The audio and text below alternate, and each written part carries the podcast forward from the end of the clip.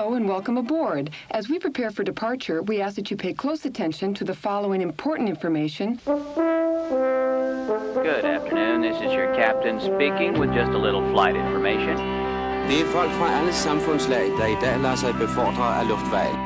All emergency exits are clearly marked. Take a moment now to locate the exit nearest you. Indications are that our arrival at London Airport may be ahead of schedule. I'll be speaking with you again from time to time. Velkommen tilbake til Utveksle, podkasten som tar deg gjennom mulighetene der ute i utvekslingsverdenen. Aka vi tar deg med rundt omkring i verden for å lære om hvordan det er å være på utveksling på universiteter som ikke heter eh, NTNU. I dag har jeg med meg en eh, trivelig, eh, tradisjonell og ikke minst transnasjonal mann. Ja, ja, ja. Terje Tobias Tønne, aka 3T, aka Bjørn fra Byåsen. Oi! Ja, Det var ny. Jeg tenkte på det mens jeg var på do i seg Bjørn fra Bjørn fra Byåsen. Byåsen, ja. Ja. Takk. Jeg vet du blir kalt noe verre i lysterlag, men det tror jeg vi lar ligge. Det er jeg helt ferdig med selv, i hvert fall. ja, det kjenner jeg godt. Jo, takk, du, takk, takk. Vi sitter her litt sånn høstemørkedeprimerte Ja, og litt sånn slitne, og vi har veldig, jeg i hvert fall har veldig behov til å drømme meg bort til eh, varmere, lysere strøk. Ja. Så da spør jeg deg, jeg, Terje, hvor har du vært på utveksling? Jeg har vært på utveksling i Ghana. I Ghana, ja. Nærmere bestemt en liten havnelandsby som heter Ikke landsby, havneby, som heter Winneba. Eh, Det ligger ca. to timer kjøring fra hovedstaden. Ja, ikke sant. Så det jeg har vært, jeg har vært innom denne flotte podkasten før, og da var jeg jo i Glasgow. Du er en Eh, bereist mann. Nei, det er jeg ikke. Du har vært eh, to steder. to steder, og begge begynner på G. Ghana yes. Glasgow. Så det er jo litt tilfeldig. Men eh, det var Skal jeg bare liksom legge ut litt om hvor vi gikk, veien gikk dit, eller bare sånn Ja, jeg tror før vi gjør det, at Ja. vi må lære mer om det stedet her. Ja. Før vi lærer om deg. Det er viktigst, tross alt, stedet. Så, så vi, vi, vi hopper inn i den aller, aller fasteste spalten. Vi Ja. setter nåla. Ja.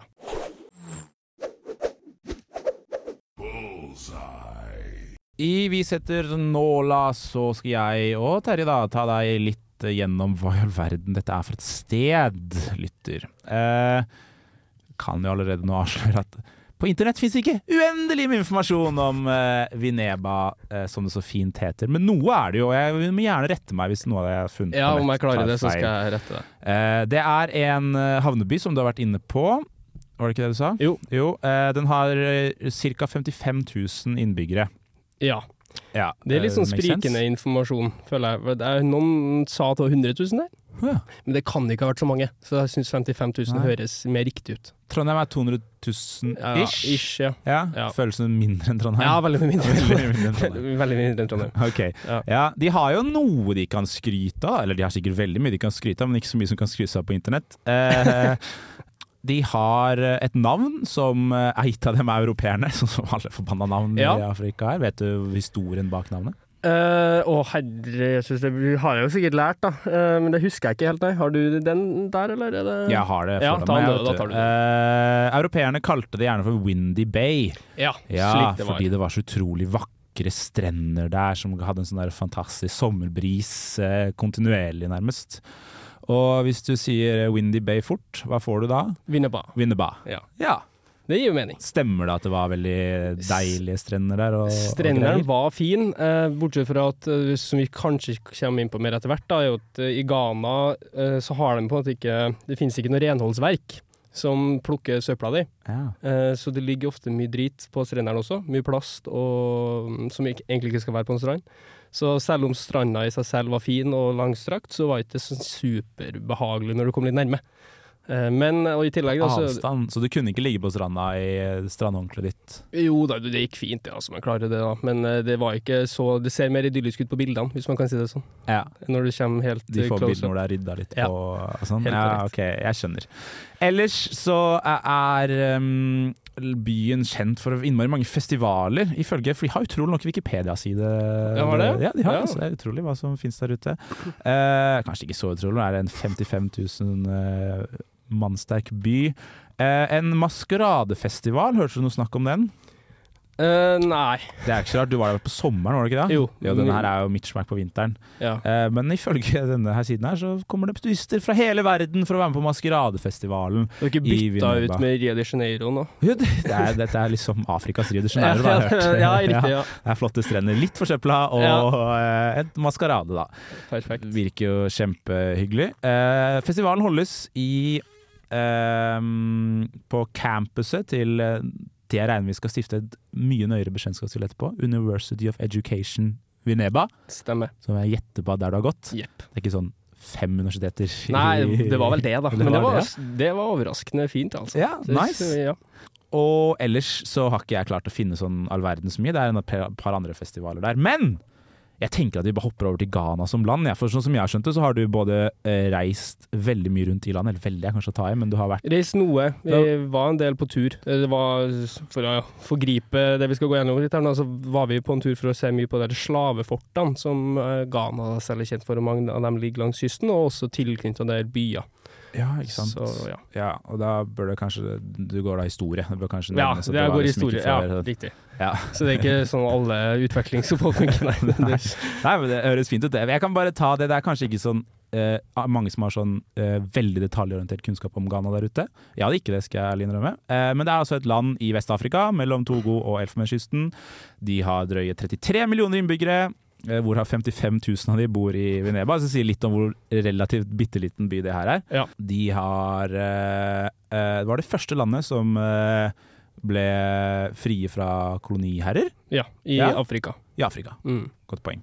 Eh, noe som sikkert er innmari interessant for deg som historiestudent, kan jeg tenke meg. Ja, jeg skriver jo på en måte masteroppgave om det også nå, Ja. eh, så, eller sånn tilknytta det. Så det er absolutt. Og det gjør jo også, som vi, altså, gjør at Ghana er et relativt velutvikla land, da, kan man si. Eh, den her avkoloniseringsprosessen og både før og etter. Da. Eh, det har, den historien har mye å si at Ghana i dag er et av de landene i Afrika som er mest utvikla, og som har best sånn, økonomi, kan man si. Da. Ja, og i tillegg så kan det virke som de har et relativt sånn stabilt demokrati også. Ja, Ja, I forhold til naboene, kanskje. Absolutt. Eh, sånn sett så de har jo hatt mer tid til å få bygd et rolig Altså bygd opp det politiske systemet sitt litt mer over tid enn andre land i Afrika. Ja. Eh, også da, men selv om da britene alltid har hatt en viss form for påvirkning der. Det har skifta seg litt ut. Eh, Blant annet nå er jo Kina veldig hardt involvert i gruvedriftene da, som det, det, i Ghana. Faktisk. Så det er litt sånn geopolitisk eh, land, har det alltid vært, egentlig. altså. Ja, mye naturressurser, kanskje. Ja. Ja. Det er jo, tidligere så var jo Ghana bare kjent som gullkysten. Ja. Eh, fordi at de, det var mye jakt etter gull altså, i gruvene der, og så nå er det vel mest sånn litium de henter ut. da. Ja, Ja. batterijuice. Så det er jo mye naturressurser i Afrika, masse, og også da i Ghana. Og så ligger det jo veldig fint til, da, helt langs kysten. Så enkelt å transportere det ut. Ja. Ja. Ikke sant. Ta verdiene ut av landet. Ja, Kjempepopulært, det. det er det som gjør. Heia. Heia det. Flott det. Flott iPhone 15 vi har fått oss. eh, men de er jo også da verdens nest største produsent av kakao. Den er ikke dum. Den er ikke dum. Ja. Overraskende lite sjokolade som vi fikk smak på, Også. Ja, For det tenker jeg jo da med en gang. Der skal det jo være Toblerone på flyplassen og Ja, til det var- tusen, liksom. Nesten ingenting. Var de ikke noe stolte av det? Nei, ikke noe Jeg tror de, kanskje de bøndene de lager, bare da blir skippa ut, rett Det og slett. ja, går rett ut. Ja, for det, det var liksom det var lest på forhånd og trodde det var kanskje noe god sjokolade. Og noe finnes det jo selvfølgelig, men du skulle jo tro at de var stoltere, hadde solgt mer, hadde promotert det mer, men det så veldig lite til det, altså. Ja, hm. Rart. Ja, ja, vi får kose oss med Freia-sjokolade. Det er sikkert ghanesisk sjokolade, det. Ja, ja det kan være. Det er jo stas nok. Eh, over på de litt, hva skal vi si, lettere faktaene om eh, Ghana. Ja, for det har vært Eh, tungt hit. Nå, nå, har vi, nå, har vi, nå er faglig delen av dette, denne podkasten ferdig, og vi går heller over i det som heter Fantasy Coffins. Ifølge mine relativt usikre skiller på internett, så er det altså noe som heter Fantasy Coffins, som har sin opprinnelse i Ghana. Eh, jeg har ikke lykkes å finne noe bilde uten å ha prøvd så veldig hardt, men uh, ifølge det som er beskrevet her, så er det sånne utrolig dekorerte kister Ja. som på en måte skal si noe om den personen som levde. Stemmer det? For, ja, for eksempel hvis den personen som døde var superglad i å spille gitar, så er kista forma som en gitar. Sånn som Knut Nil... Knut, nei, hva heter han? Kurt Nilsen Kurt Nilsen sin eh, hytte, ja, på Oppdal. så det er et eksempel allerede. Altså, hvis du var superglad i bowling, da, så kunne du hatt en bowlingkule, nei, eller en sånn kjegle, bowlingkjegle som kiste. Ikke kule Og det, er- det er sånn. sant, altså. Det var begravelser der, var, det feira dem faktisk. Altså, det var Har du vært, var du i noen begravelser? Nei, men når man kjører langs kysten i Ghana, så kjører man forbi mange småsteder og byer, og det var veldig ofte så skjønte man at her foregår det en begravelse, for at det var, folk var kledd opp i de fineste klærne sine, og alle gikk i svart og rødt, og det var nesten det var høy musikk, det var en slags feiring av livet, og ofte da svære kister. Vi fikk dessverre ikke sett en sånn her fantasy coffin, men jeg hørte om det, og de bekrefta det også, da. Det ligger litt prestisje i det. K Kanskje. Eh, Men er det sånn De er i hvert fall veldig religiøse, så det ligger nok en del prestisje i selve, altså religionen, da, kan Ja. si. å lage en god fest ut av at du dauer? I hvert fall, eh, det skal bemerkes. Ja. Det skal ikke gå, Ja, det går ja, ikke stille i gangene, da. Jækla kjipt og da Det blir jo veldig sånn skille mellom de som får liksom den kisten, og de bare har vært eh, sjukt gode eh, bowler da, hele livet Ja. sitt, og de som bare ikke har gjort en dritt og bare får en helt, eh, Helt, hvit kiste, liksom. Da har du liksom da har du ingenting, da. Kan jo si også at uh, ganesisk idrett, de, det er jo fotball da som gjelder nedi der. Ja. Uh, og det er jo veldig stort. Og blant annet på eh, Vi var på Nasjonalmuseet i hovedstaden. Så hadde de utstilling av liksom mye av ganesisk historie som er veldig spredt og variert, og en egen del til fotballavdeling. Eh, og da spesielt fokus på ja, jeg kan omdøpe den til The Suárez Incident fra VM i Sør-Afrika i Ja. 2010. Hvor da Luis Suárez eh, hands, altså for Uruguay, da fotballspilleren, eh, det var Uruguay-Ghana i kvartfinale eh, i fotball-VM, og da handsa eh, Luis Suárez eh, for Uruguay da over tid, tror jeg, av eh, ordinær tid. Eh, Ghana fikk straffe. Altså Moagian bomma. Eh, det gikk til straffespark. Uruguay gikk videre, Ghana røk ut, og det var folkesorg, altså. Ja. Det er fortsatt betent. Et traume i landets historie. Absolutt. Alle der eh, som har spurt om det, var helt bevist på at, eh, overbevist om at hadde Ghana vunnet den kampen, så hadde de vunnet VM. Ja, Ja. ikke sant? Ja, Det er helt lov å si det, selvfølgelig. Bare det ikke vært for tenna til Tenna til Suárez. Suárez. Kynisk drittspill. Nok om han. Nok om han, mer om eh, Ghana. Eh, da tror jeg jeg er ikke tom, for vi lærer sikkert masse mer om Ghana underveis, men Ja. i, på min begrensede Google-historikk så er det altså tomt for fakta. Så da tror jeg rett og slett vi bare går inn i det viktigste man kan gjøre her i verden, og det er å utdanne seg. Og det har du gjort i Ghana, av alle ting. Les consignes que nous allons vous présenter concernent votre sécurité à bord. Merci de nous accorder votre attention. May we please have your attention for a few moments? We are now going to show you the safety procedures. Terje, hva går du i Trondheim, bare for å ta det kjapt? Jeg går lektor i historie. Altså, da, et femårig masterprogram da, hvor jeg blir lærer, og får en mastergrad i historie til slutt. Ikke dumt. Nei! Ja, det høres ut som Ghana er, som alle andre land, smakk pakka med mye spennende historie å ta for seg. Ja. Eh, og så er jo Ghana oh, Nå er jeg litt, kanskje ikke helt inhabil her, da, men eh, det er jo mye, veldig mye spennende historier rundt det her med trekanthandel og slavetida. Ja. I Ghana veldig mye spennende historie, og mm, mye relevant historie. Og som vi var inne på i starten her, så er det også det første landet i Afrika som ble avkolonisert.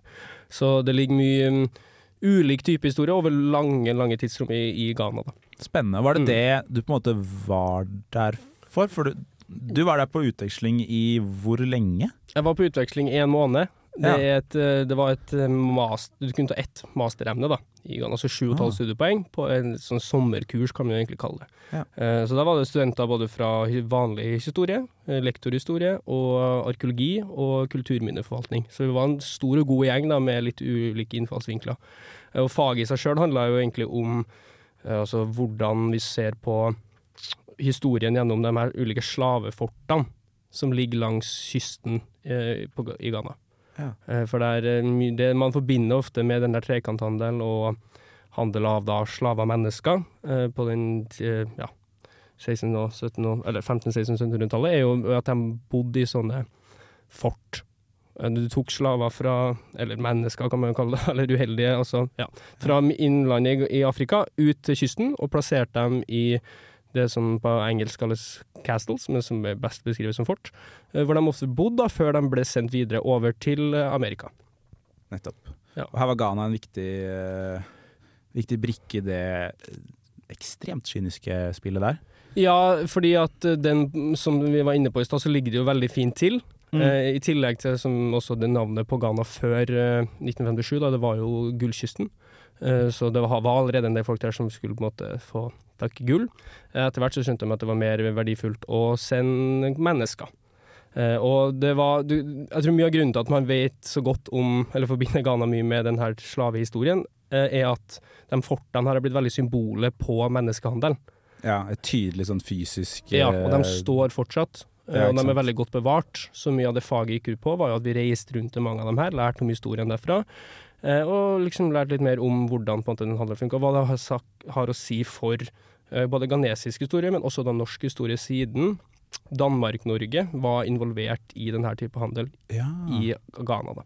Er det derfor? For det må jo være lov å si at det å havne på University of Education i Vineba, en by med 55 000 innbyggere, Mm. i et land med 33 millioner, Ja.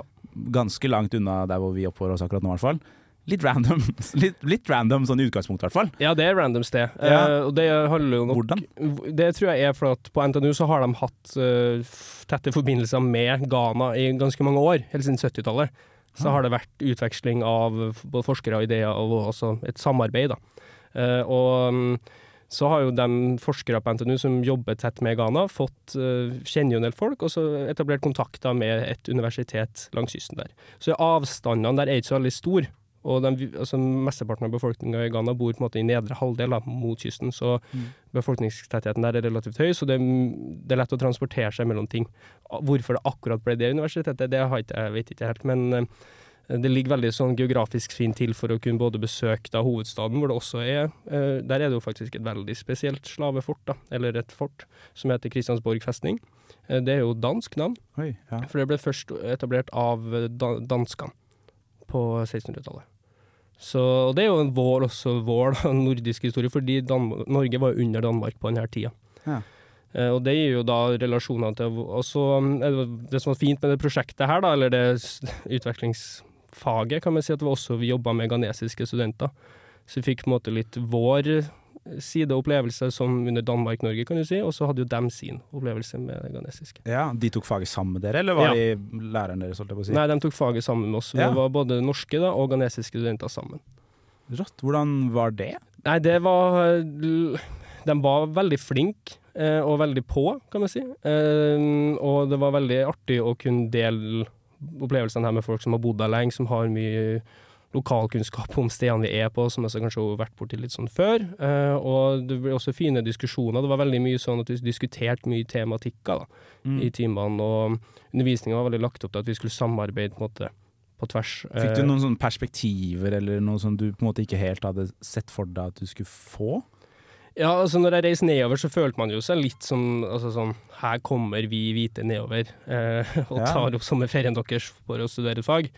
Det må jeg si, men så ble det på en måte den raskt Den, den forsvant fort, fordi man merka at de var veldig interessert i å bli kjent med oss også. Og de syntes også det var spennende at det kom andre studenter dit. Eh, og man lærte jo også hvordan man hele tatt skal se på denne perioden i historien, for den er veldig kompleks. Og det er vanskelig å på en måte skulle si at sånn og sånn er det. Um, men det er jo ingen tvil om at det europeerne gjorde i Afrika, det var fryktelig. Eh, og det var jo de fullstendig klar over også.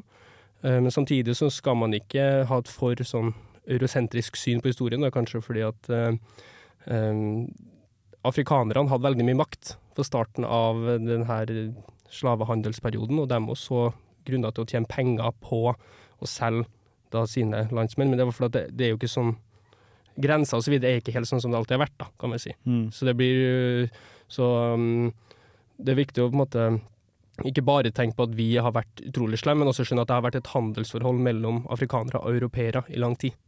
Hvis Som det gir mening. Som, ja, og som alltid alt som, er, eh, som finnes, i hvert fall i samfunnsvitenskapen. Ja. Mer kompleks enn man eh, skulle tro. Ja. Men det høres ut som det er en veldig eh, sunn tilnærming av dere som har dratt, og NTNU som tilbyr og sånn. Og på en måte eh, det har vel ikke, Historie er vel et av de fagene som kanskje har eh, lidd veldig mye av å, å sitte hjemme på en kontorstol i Norge og undersøke noe som skjer, har skjedd på andre siden av verden, som Ja. dine forgjengere har gjort feil mot noen andre Absolutt. i perspektivet til dine forgjengere. Ja.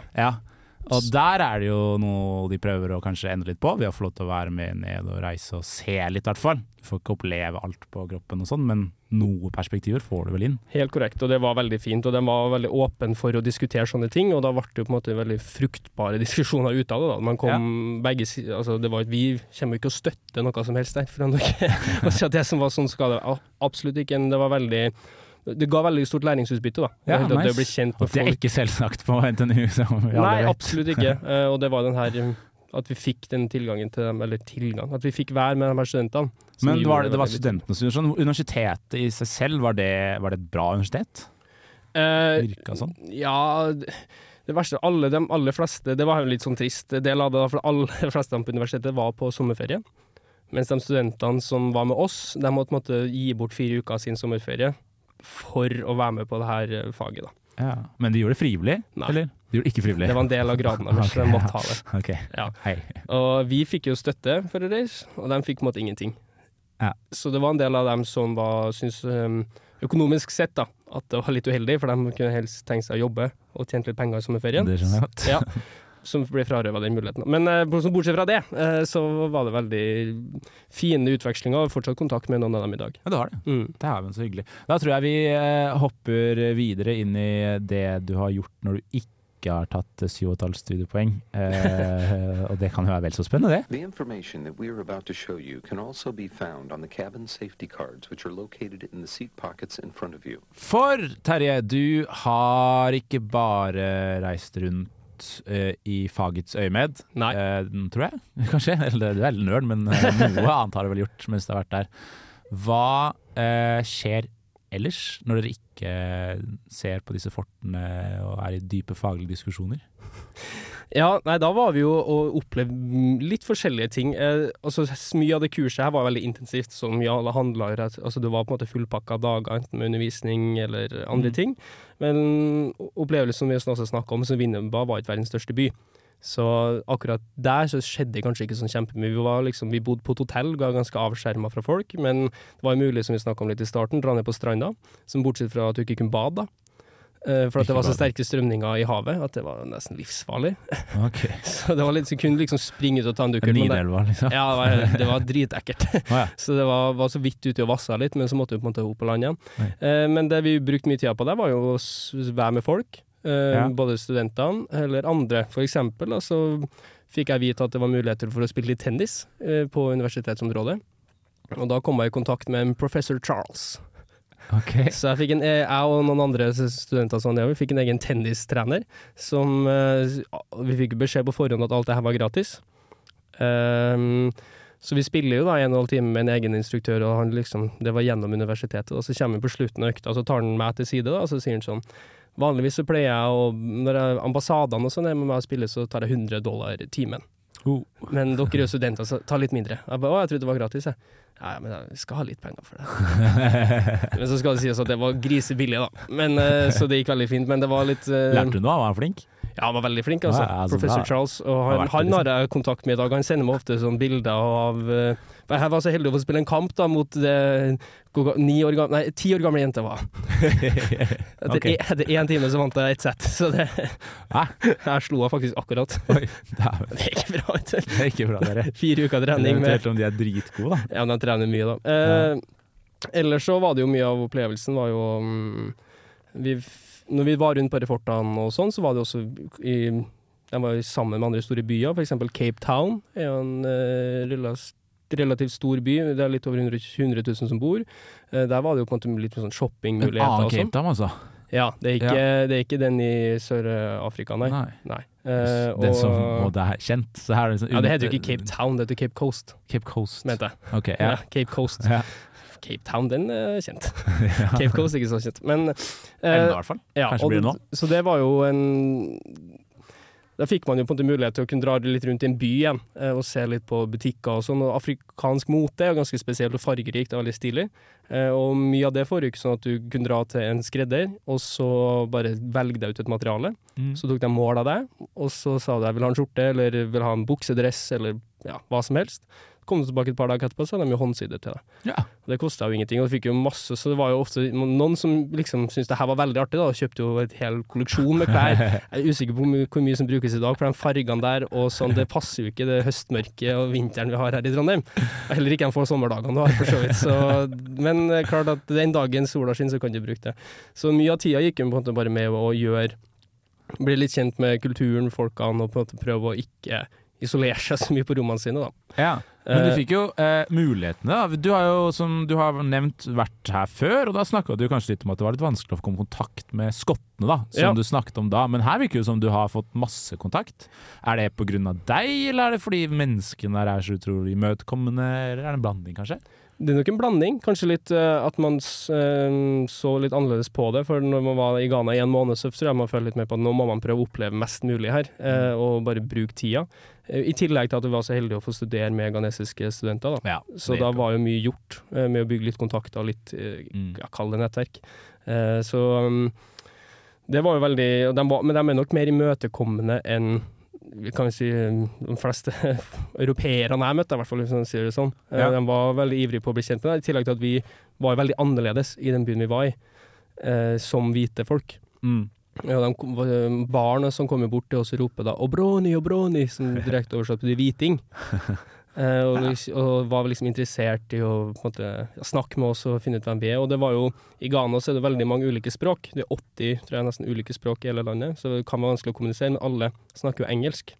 Oh, ja. Det det av, Digg, da. Ja, så da var det mulig å kommunisere med alle, også barn, da. For de forsto litt, litt engelsk, i hvert fall. Det er en enorm Ikke at det er målet nødvendigvis for å prate med barn, men altså Jeg har vært og prata med barn. i Ghana, Ikke bra, Terje. Nei, stryk den. Ja. Men, uh, så det er jo én ting. Og så var jo i den hovedstaden der, selvfølgelig. Det er jo en stor by, og så der er det mulig å finne på masse rart. Ja, Eh, som hva da? Var det så fotball der? Du nevnte at de var veldig glad i, eh, glad glad i fot- sin fotball. Ja, men det var nok eh, sesongpause, tror jeg, når vi var der. Altså. Men vi, var i, vi bodde også ved på et universitet i hovedstaden, og der hadde de en stadion som romma sikkert en 30 000-40 000. Det sto helt tom og grodd nesten igjen, så det skjedde liksom ikke så mye. Så, men landet rykka ned de, da. så, men, eh, så det var ikke en mulighet dessverre for å se noe fotball. Men vi så veldig mange som spiller fotball. Ja. rundt omkring overalt. Lekka, På, ja, veldig, og det var utrolig herlig å se. For det Ja. var jo liksom Det jo det bildet man har av hvordan Løkka skal være. Det skal ikke være noe fint klipt kunstgress og sånn og tommer. Det var på en måte to steiner der og litt rufsete jorde, og så spilt alle og Ja, kosa der gror det talenter. Ja, fy fader, det var noe, det var noe tekn... Altså, det kunne nesten vært speider nedpå der, tror jeg, og funnet noen, altså. Ja. Kanskje det er det man skal gjøre. Kanskje det det som blir det, når du finner ut at læreryrket ikke funker for deg lenger. Nå vil jeg snakke om øl. Ja.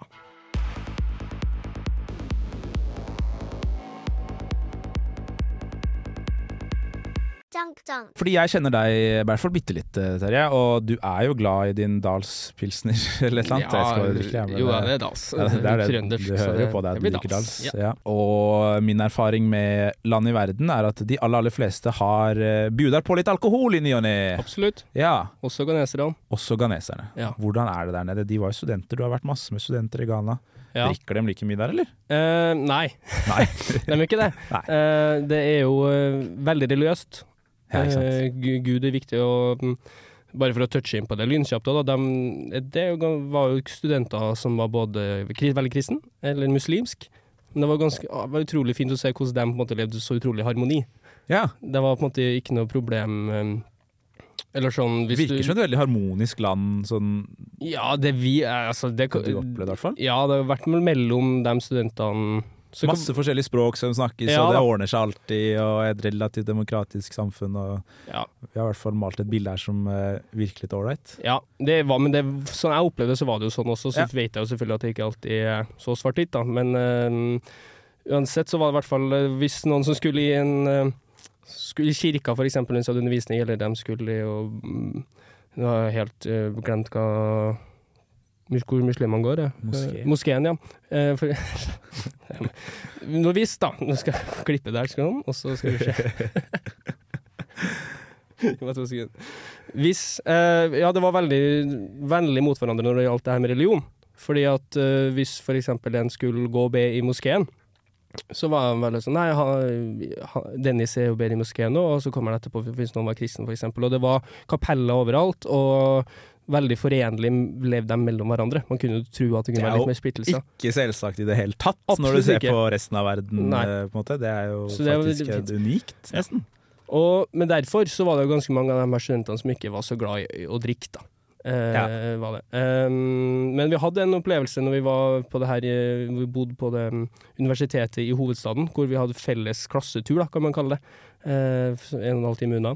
Eh, og da var det på kvelden der, så samla vi alle på et sånt oppholdsrom, og så hadde noen vært da, hos på lokal, det, det lokale vinmonopolet.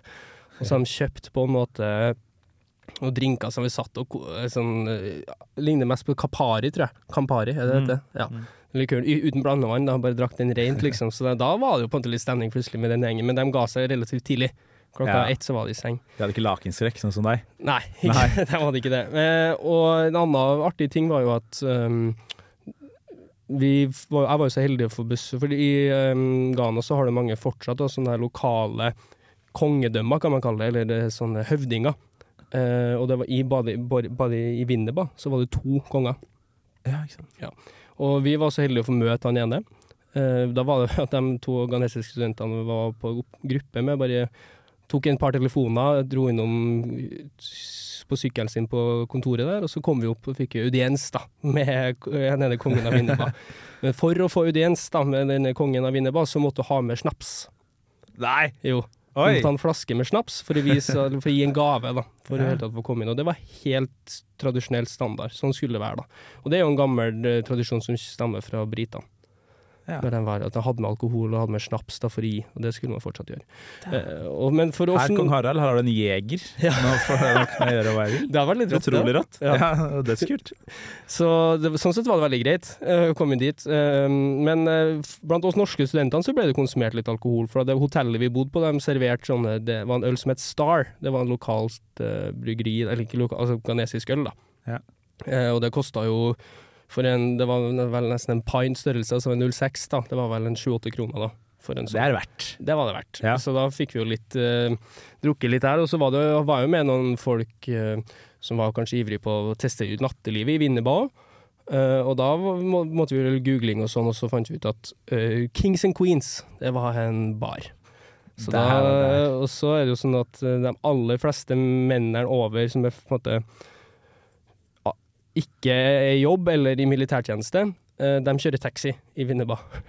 Så det var helt sinnssykt mange taxier, og det var, og det var, men på kveldstid så var det på en måte ingen som skulle kjøre noe plass, så det var veldig vanskelig å få tak i. Men vi fikk nå til slutt tak i en taxi, kom oss til Kings and Queens, eh, som var på en måte Hvordan skal man beskrive det? Det var på sånn, nærmest litt sånn brakkebasert bar. Så hadde man bare et tak over hvor man- der man kunne sitte, og så var det noe sånn trebord og litt sånn, og så hadde en DJ som hadde helsikes oppsett. Eh, og spilt masse musikk. Vi fikk inn ut til selvfølgelig kjøre noen norske klassikere som Tix og Staysman. Som man må. som var, og der var man ute langt på natt, egentlig, og var veldig artig. Ja, artig. Og så var det jo en historie derfra. at Når vi skulle, eh, hvis du skulle på do, så måtte du på en måte litt ut av eh, bygget og inn i et skjul, nesten. Og der eh, kunne det jo hende at det sto noen prostituerte, for eksempel. Da. Ja. Uh, og sånn, så det var jo det, så Også utelivet var veldig annerledes, kan man si, Ja, enn det var i, Ja, det var litt kaos. Litt Ja. kaotisk. Det er det i Oslo og i Trondheim òg, Ja, da. sånn. Så, Det men det var veldig Der også var folk veldig sånn Du så når vi kom, så følte du at du liksom Folk satt og spilte sjakk der, det er drithøy tekno. Det var masse rart som skjedde og foregikk. Uh, men vi, de var på en måte inkluderende mot oss likevel. De var det. Ja. Fordi hvis, du- hvis du går inn på et stamstedsted da, i Mm. Trondheim, som det finnes en del av, hvor det åpenbart sitter flesteparten av klientellet er mennesker som er der mer enn tre ganger i uka, Ja. så blir du sett litt rart på hvis du kommer inn som en gjeng. Altså. Du, blir ikke, du blir ikke ønska velkommen, i hvert fall ikke med en gang. Du må bevise deg litt. Mens her var det bare sånn Velkommen, da. Ja, det syns i hvert fall eh, Jeg hadde litt høye skuldre, syns jo det her var litt sånn Det tror jeg jeg hadde hatt også. Ja, litt skummelt i starten, også, men selvfølgelig så er det jo som alle verdensproblemer bør løses med dans, mener jeg. Ah. Så når vi begynte å danse litt der, så ble det jo først latter, selvfølgelig. Hvite, stive hoftene mine, de gjorde ingenting. Det, for det må jeg si, det, det var utrolig artig på en måte å være ute der og på en måte bare ha den fridansen, altså. altså det var, Og de var utrolig mye flinkere enn meg, i hvert fall. Og, så da ble det på en måte veldig god stemning, og da ble blir man jo kjent, da. Og, eller ikke kjent, men man får i hvert fall den kleinheten. En er icebreaker. Ice- Icebreaker, ja. ja. Så det var en fin opplevelse. Og så um, var vi også så heldige å få dra på et utested i hovedstaden. Uh, The Honeycomb het det, og det jo navn. britisk navn. likte det. Så, men det var mer en bar, da. Det var en sånn bar eh, man kan finne hvor som helst i verden, egentlig. Eh, Ja. Standard eh, og sånn. Men um, dagen etterpå at vi hadde vært der, da, så Our Story, den funksjonen på Snapchat hvor man kan legge ut en My Story på en måte til hele verden. Ja. Ja, så var det noen som gikk innom den um, storyen, altså den plassen der vi var dagen etterpå, uh, og så et bilde av meg, hvor det bare noen hadde skrevet Haaland. Haaland, ja. Haaland. Og det, jeg, det, blir sikkert av jeg vet ikke hvor mange det var, ti stykker bare sånn refererte som Erling Haaland. Det. Alle syntes jeg ligna. Det kom en hvit, eh, relativt, med blondt hår, eh, relativt høy nordmann, og da var det Erling Haaland. Og den, den jeg tar den egentlig, altså. Du må ta den. De er nok litt på bærtur, men Ja. bra for deg, jeg. Jeg vet ikke. fysisk, Jeg syns du er kjekkere enn Haaland, eh, Terje. Ja, kanskje. Det er det. Men jeg er ikke sterkere enn Haaland. Eller like talentfull Nei. på fotballbanen, dessverre. Så du får leve med den uh, sammenligningen. Og så må jeg bare fortelle en historie. Uh, Det handler ikke direkte om uteliv, men vi skulle ut og spise. Uh, og det her er også da fra De fleste sånne rare historier skjedde når egentlig vi var i den hovedstaden, for det var der det var mest som skjedde. Eh, men da hadde vi fått anbefalt en god ghanesisk restaurant da, av en professor. Uh, der serverte de autentisk ghanesisk mat, og det var visst et sånt uh, skikaf, eh, et sånt band som skulle spille. Ikke storband akkurat, men det var pleide å være livemusikk, i hvert fall. Eh, og så er det jo at, eh, fikk vi anbefalt da, at selv om Ghana er et relativt trygt land, og det er en, du kan dra som regel hvor du vil, eh, så bør du helst ha Uber, bare for å sjekke sånn at du har GPS-tracking på bilen. Mm. Eh, ikke ta taxi, fikk vi tips om da. Så da tar vi en, booker en Uber, så skal vi alle sammen dra til denne restauranten for å spise. Det var ca. 20 minutter fra hotellet vårt da. Eller der vi bodde. Uh, og så plutselig, så Da sitter jeg i forsetet, og så de, var det tre jenter i baksetet. Uh, og så ser vi at han på en måte kjører litt en annen vei, og plutselig så er vi på en måte midt mellom to jorder. Uh, og der er det en politimann som kommer bort til bilen. Eh, og han har svært sånn maskingevær da, eh, på seg, og da, da blir man jo nervøs, for det Ja. er man jo ikke vant til. Og han Uber-sjåføren bare sier ingenting, bare sitter her. Så kommer han politimannen bort til vinduet, og da lyser med, det var på kvelden, altså så det var mørkt, så han lyser med lommelykt inn. Og så da, den dagen så hadde jeg valgt å ta på meg en eh, T-skjorte som var veldig pastellfarga, eh, fargerik, og så han sånn der um, fannypack over skuldra. Så det kunne jo på en måte se ut som en ja, beste beskrivelse, en brite som har dratt til Benidorm. og oppi den fannypacken så kan det være hva som helst, da. Ja. Ja. Uh, og, så da ble jeg be, fikk beskjed om å komme ut av bilen, for at han skulle se opp hva jeg hadde oppi eh, veska mi. Uh, og der er det jo diverse tabletter. Da. Jeg har, hadde jo Ibux og sånn, og selvfølgelig Idoform for hvis jeg ble dårlig i mage. For det var dessverre Det kunne jo skje. Um, og så I tillegg til det så har jeg snusa jo. Eh, og den, så var det sånn at jeg hadde med et par snusbokser i denne veska, for jeg skulle kaste noen bokser som var tom. Men så var det jo Snus har de jo ikke der. Uh, så jeg merker med en gang at når han finner den boksen, så tar han jo den opp, og så er det en hvit pose med snus. Ja. Og han tar den og lyser på snusen, da, og liksom blir veldig sånn Sier ingenting til meg. Og jeg prøver å begynne å forklare. It's a nicotine pouch you put in your lip, it's illegal, it's not drugs. Han ser ikke på meg, han enser ikke bare fokuserer på den her eh, snusen. Og I mellomtida her da, så hadde, har, har politimannen fått en kamerat bort, som da har opp uh, tar, for Alle har gått ut av bilen, de tre jentene, og han står liksom og passer på dem, holder dem unna meg.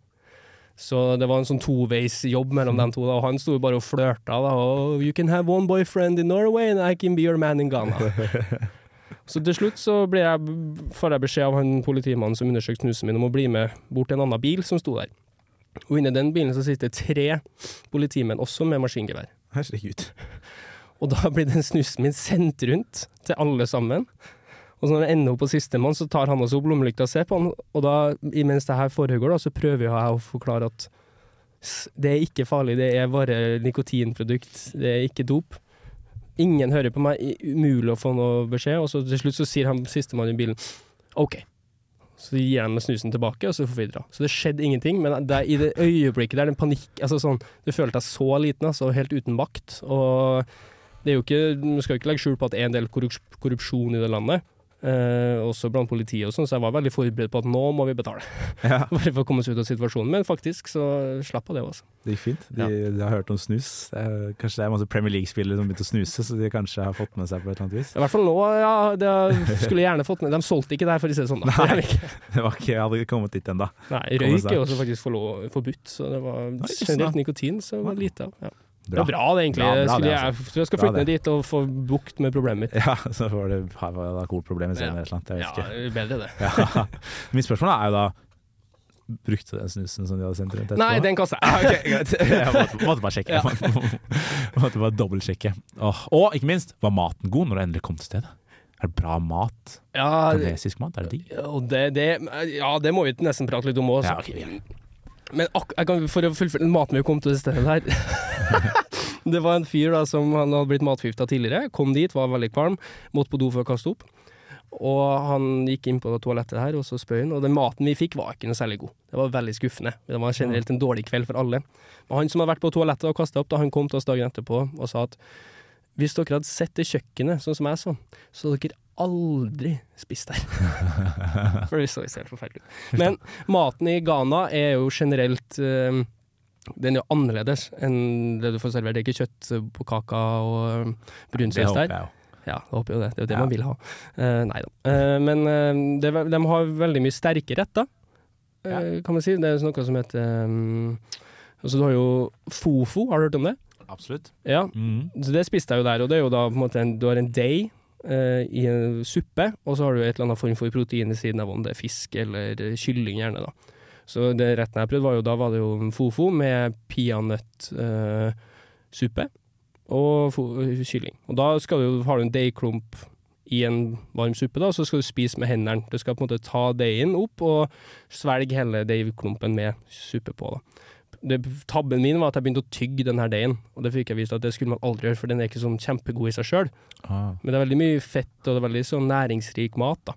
Ja, ok. Det er det. Og, var det Falt i smak for en sar norsk gane, eller Hva tror du var det Det høres ikke ut som du var helt overbevist om Nei, maten det- der nede. Det ble noe var pommes frites når du fikk det, muligheten, var kanskje? promf, det var en del pommes frites, ja.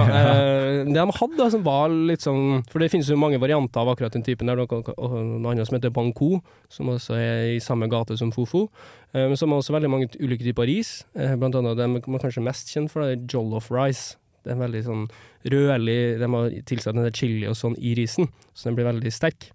Mm. og god. Og det, det var godt. Det gikk an å spise, altså. Men klart at igjen, chili er jo heller ikke noe Jeg kan absolutt sette pris på det, men så sterk mat er jeg kanskje ikke så vant til. Nei. Nei. Du Eh, trenger kjøttkaker og brun saus, Terje. Det er lov, det, altså. Du, Men jeg har i hvert fall vært der, da. Du har i hvert fall prøvd det. Det skal du Ja. definitivt uh, ha. Il bagaglio a mano deve essere sistemato sotto la poltrona davanti a voi o negli alloggiamenti sopra di voi. Your hand baggage must be placed under the seat in front of you or in the overhead lockers. Vi nærmer oss eh, morgena takk og farvel for denne gang, Terje. Eh, Ja. Før vi reiser, så lurer jeg på om det er noe du sitter inne med nå om dine opplevelser i Ghana som du bare må få ut til en eh, nysgjerrig lytter ute som vurderer å reise, som jeg syns du bør, egentlig. Ja, eh, det vil jeg absolutt anbefale. Altså det, vi møtte en eh, polsk professor, faktisk, eller, som forska litt i Afrika, og han sa liksom at han har tatt med seg noen venner nedover, for at Ghana er et veldig bra sted å starte hvis du har lyst til å oppleve Afrika. Ja. faktisk. Og du, det jo kanskje Du har selvfølgelig Sør-Afrika som er veldig sånn turistplass, men eh, det er vel, jeg, kan, jeg skal ikke skille på hva som er mest autentisk her, men kanskje få litt mer den her følelsen av å være i Afrika i Ghana, og så kan du på en måte begynne der, da, så har du et godt utgangspunkt for andre plasser å reise til. ja. Eh, Sør-Afrika er kanskje litt mer sånn vestlig preg over seg. Ja. Ghana er noe litt mer uh, unikt sammenlignet med her, i hvert fall. Ja, Ja. det vil jeg absolutt si. Uh, og så er det jo veldig mye spennende historie. Uh, veldig mye trivelige folk. Eh, utrolig flerkulturelt på mange måter, og, og i hvert fall det jeg opplevde, stor religionsfrihet. Eh, og mm, Så jeg vil absolutt anbefale en tur dit, og har veldig lyst til å reise tilbake. Det Ja. kan jeg si. Ja. Om det er noe jeg brenner inne med av historie akkurat nå, jeg tror ikke som jeg kommer på, altså. Nei. Noen anbefalinger til noen der ute som vurderer å reise? Noen eh, korte tips og triks? Ja, for det har vi ikke snakka om, men, da, men det er jo det er en liten prosess å komme og helt tatt få innpass. Ja, Eh, det er det. Ja, du må ta en del vaksiner. Uh, Gulfeber særlig, da. Viktig. Så det ryker et par tusen i å ha riktig vaksinekort. Ja, jeg tror det er en god investering, da. Ja, det er kjipt å få gul feber, liksom. Ja, absolutt. Og så selvfølgelig kjøpe inn for resept på malariamedisin. Det må du ha. Ja. ja og så søk visum. Det må du gjøre. Eh, det var ikke noe stort problem, det er bare at det er en prosess som man må igjennom. Ja, eh, man må ikke glemme det, liksom. Nei. Man må ikke stå på flyplassen og være sånn Hæ, hva, får ikke jeg komme deg? Jeg har jo pass og greier. Og... Ja. Og så må du smøre deg med tålmodighet. Ting Ja. tar tid. Ja. Så i, i Ghana generelt, du må, hvis du er på restaurant, så kan du ikke forvente at maten kommer på 20 minutter. Det kan ta en og en halv time, og det er normalt. Eh, det ting går liksom litt mer i sakte tempo der, og det er jo ikke så rart når man kjenner hvor varmt og høy luftfuktighet er. Liksom, du kan ikke stresse rundt. Ja, ja, akkurat det. Du kan se på det med sånn glass halvfullt kind of. Det er Ja. avslappet stemning. Ja, absolutt. Og så tør så ta jeg tida til å prate med folk og um, oppleve litt ting. Og så blir du dårlig i magen, så blir du dårlig i magen. Det går over, det. Uh, Ja. Men jo Minnet er for alltid. Ja, det jeg angrer litt på. Altså, man kunne gjerne vært Man blir litt konservativ av og til. Man kunne enda vært enda litt tøffere, tror jeg, og tørsa å prøve å oppleve ting. Altså. Ja da, men det, du sitter ved siden av en fyr som knapt har vært utenfor Danmark, så det Så du er noe tøff du, Terje. Ja, kjempetøff. Det er veldig bra, eh, og det virker som du har hatt en fantastisk tur. Jeg vil gjerne få lov til å takke deg som hørte på at du gjorde nettopp det. Reiste Reis til Ghana, da. Reis til Ghana, da. Reis til Ghana. Ja, eh, Terje, takk. Eh, hør mer av deg på Millennium, eh, Radio Revolt sitt eh, flagship, om du liker vår generasjon og problemer rundt den generasjonen. Hint, det er mange problemer. Det er nok, er det ikke? Ja, men dere løser de. Stort sett alltid. I hvert fall belyser de, kan man si. Ja, belyser de, Eh, så gjør det. Når er det det går? Hver onsdag mellom eh, 19 og 20. Perfekt. Ja, og så ellers ønsker vi deg bare en fantastisk dag videre, lytter. Ha det bra. Ha det bra. We appreciate your attention, wish you a pleasant flight, and thank you for flying Pan Am.